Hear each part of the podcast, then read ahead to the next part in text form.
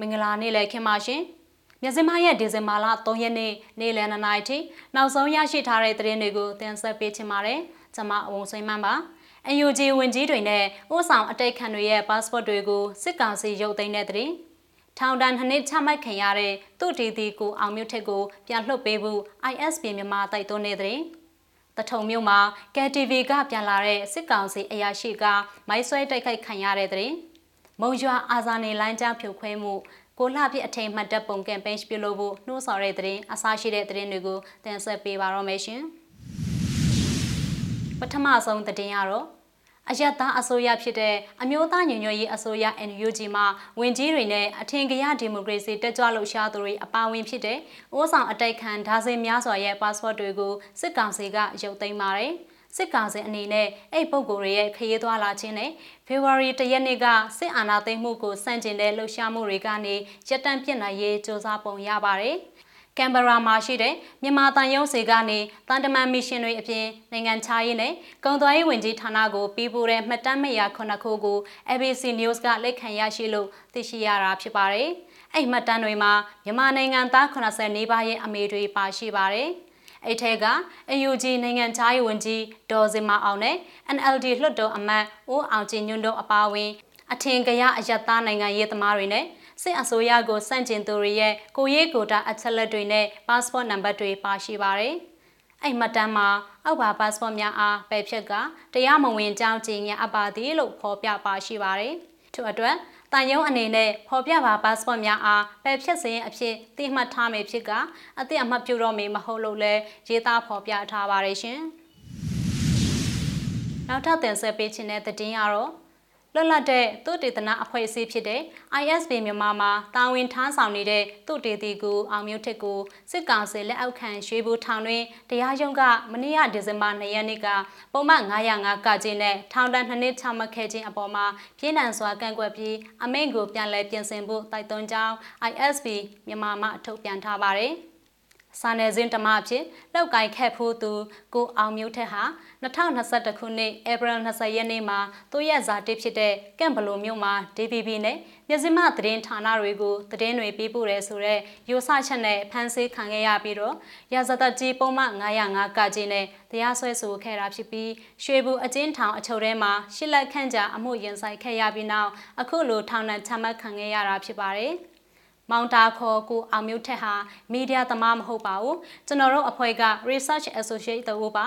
ရွှေဘူထောင်နဲ့ယာယီဖွင့်ထားတဲ့ကန့်ဘလိုတရားရုံးမှာကြမ်းကြိမ်ခဲ့တာတွေကအလကားပဲပေါ့သူ့မိသားစုအတွက်စိတ်မကောင်းပါဘူးနှစ်သစ်မှာတည်င်းကောင်းကြရဖို့ပဲမျှော်လင့်ရတော့မယ်လို့သူ့ရဲ့အလုပ်ဖော်ကိုက်ဖက်တူကပြောပါတယ်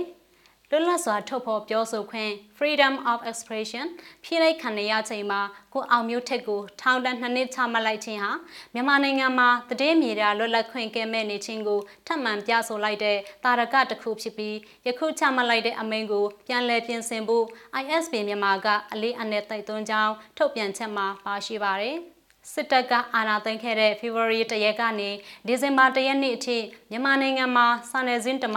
136ဦးထက်မနည်းဖမ်းဆီးခံခဲ့ရတဲ့ထဲမှာ89ဦးပြန်လွှတ်ပေးခဲ့ပြီးတော့38ဦးမှာလက်ရှိအချိန်ထိဖမ်းဆီးခံထားရဆဲဖြစ်ပြီး2ဦးထောင်ဒဏ်ချမှတ်ခံထားရတယ်လို့ ISB မြန်မာရဲ့ထုတ်ပြန်ချက်မှာဖော်ပြထားပါတယ်။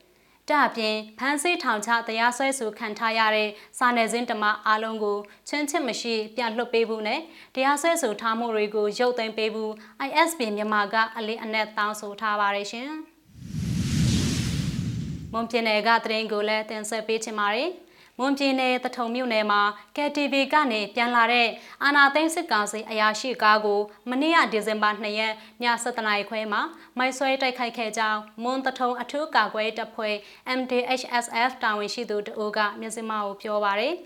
အာနာသိန်းစစ်ကောင်စီအရာရှိတဦးနဲ့နှုတ်ထက်တဦးတို့စီးနင်းလာတဲ့ကားဟာတထုံမြို့နယ်မြေနေကုန်းကျရွာရှိစန်ဒိတ်ကတီဗီစားတောက်ဆိုင်ကနေအပြန်ရွှေစာရန်ဖျားအနေပိတ်ထက်ကသုံးပုံအဝိုင်းနေမှာမိုက်ဆွဲတိုက်ခိုက်ခံခဲ့ရတာဖြစ်ပါတယ်။သူတို့မြို့ထဲအရောက်မှာမိုက်ဆွဲလိုက်တာပါ။ကွဲတာကတထုံမြို့လဲကောင်တက်တဲ့အဲ့နာမှာကညတိုင်းလိုလိုစစ်သားတွေကင်ပတ်တဲ့ကားရှိတယ်။အဲ့နာမှာခွဲလိုက်တာ ကားပေါ်မှာပစ္စတိုတနက်ကိုက်တဲ့အရာရှိတယောက်နဲ့နောက်တစ်ယောက်ပါတယ်တီဖူကတော့85ရာခိုင်နှုန်းလောက်ရှိတယ်ညဆိုတော့အသေးကြမသေးဘူးလို့ MTHSF တာဝန်ရှိသူကပြောပါတယ်အဲ့ဘုံပေါက်ကွဲမှုဖြစ်ခဲ့တဲ့ကားကိုစစ်ကောင်စီတပ်ဖွဲ့ဝင်တွေကညတွင်ချင်းပြောင်းရွှေ့တဲ့ဆောင်သွားကြောင်းသူကပြောပါရယ် ဘုံပေါက်ကွဲပြီးနောက်အာနာသိန်းစစ်ကောင်စစ်တပ်ဖွဲ့ဝင်တွေက Sunday KTV စားတောက်ဆိုင်ကိုတွားရောက်မှွေနောက်စစ်ဆေးမှုတွေပြုလုပ်ပြီးတော့ KTV ဆိုင်ပိုင်ရှင်ရဲ့တားဖြစ်သူအပါအဝင် စားတောက်ဆိုင်ဝန်ထမ်းတွေကိုဖမ်းဆီးခေါ်ဆောင်သွားကြောင်းစုံစမ်းသိရှိရပါတယ်။ ဘုံပေါက်ပြေးတဲ့နောက်မှာ KTV ဆိုင်ကိုတွားမှွေကြတယ်ဝန်ထမ်းတွေကိုဖမ်းသွားတယ်လို့သိရတယ်အဖမ်းခံရတဲ့အဲ့လူတွေနဲ့ဘုံပေါက်ကွဲတာနဲ့ဘာမှမဆိုင်ဘူးမဆိုင်တဲ့လူတွေကိုသူတို့ဖမ်းသွားတယ်လို့သိရတယ်မင်းကလေးတွေပါဖမ်းသွားတယ်လို့ကြားတယ်လို့ MTHSF အဖွဲ့ဝင်ကပြောပါတယ် အာနာသိန်းစစ်ကောင်စီထောက်တိုင်တွေအစုအဖွဲ့တွေကိုဆက်လက်တိုက်ခိုက်ချေမှုန်းသွားမှာဖြစ်ကြောင်းနဲ့စစ်ကောင်စီနဲ့ပတ်သက်ဆက်နွယ်နေတဲ့နေရာတွေကိုတွာလာချင်းမပြိုကြဖို့မွန်တထုံအထူးကာကွယ်တပ်ဖွဲ့ MTHSF ကဒီနေ့မှကြေညာချက်ထုတ်ပြန်ထားပါတယ်ရှင်။နောက်ဆုံးသတင်းအနေနဲ့စကိုင်းတိုင်းမုံရွာမြို့ဖျားနေလန်းခေါ်အာဇာနေလန်းမှာ စစ်ကောင်စစ်တပ်ရဲ့ဖြိုခွင်းမှုကြောင့်အသက်ဆုံးရှုံးခဲ့ရတဲ့သူရဲကောင်းတွေကိုအောင်မြင့်တရေရစေဖို့အာဇာနေလန်းပေါ်ကသွေးတွေမချောက်သေးဆိုတဲ့ခေါင်းစဉ်နဲ့တပ်ပုံကမ်ပိန်းပြုလုပ်ဖို့မုံရွာလူထုတပိတ်တိုက်ပွဲဥဆောင်ကော်မတီမှကြေညာထားပါတယ်။မုံရွာမြို့မှာမတ်လ3ရက်နေ့မှာစစ်အာဏာသိမ်းမှုစန့်ကျင်ရေးအင်အားစုတွေကိုစစ်ကောင်စီတပ်မှရက်စက်စွာပစ်ခတ်မှုကြောင့်အမျိုးသမီး2ဦးအပါအဝင်လူငယ်9ဦးအသက်ဆုံးရှုံးခဲ့ရပါတယ်။ အဲ့နေ့မှာကြာဆုံးခဲ့တဲ့အာဇာနေတွေရဲ့ကောင်းတွေအခုချိန်ထိမိသားစုနဲ့ထပ်တူနှမျောကြေကွဲဝင်နေရပါတယ်။ကိုကိုရိုင်းသူတို့လိုအပြစ်ခံခဲ့ရရင်တော့ကောင်းမှာဆိုတဲ့စိတ်မျိုးဖြစ်မိပါတယ်။ဒါကြောင့်အခုချိန်ထိသူတို့ရဲ့ဂုံကျေးဇူးတွေကိုအောက်မေ့ပြီးတော်လိုင်းရဲမှာကြာရနေရကနေပါဝင်နေပြီးအဆုံးထိတိုက်ပွဲဝင်သွားမှာပါလို့မုံရွာလိုထုတပိတ်တပွဲဥဆောင်ကော်မတီဝင်ကိုအောင်နေမျိုးကပြောပါတယ်။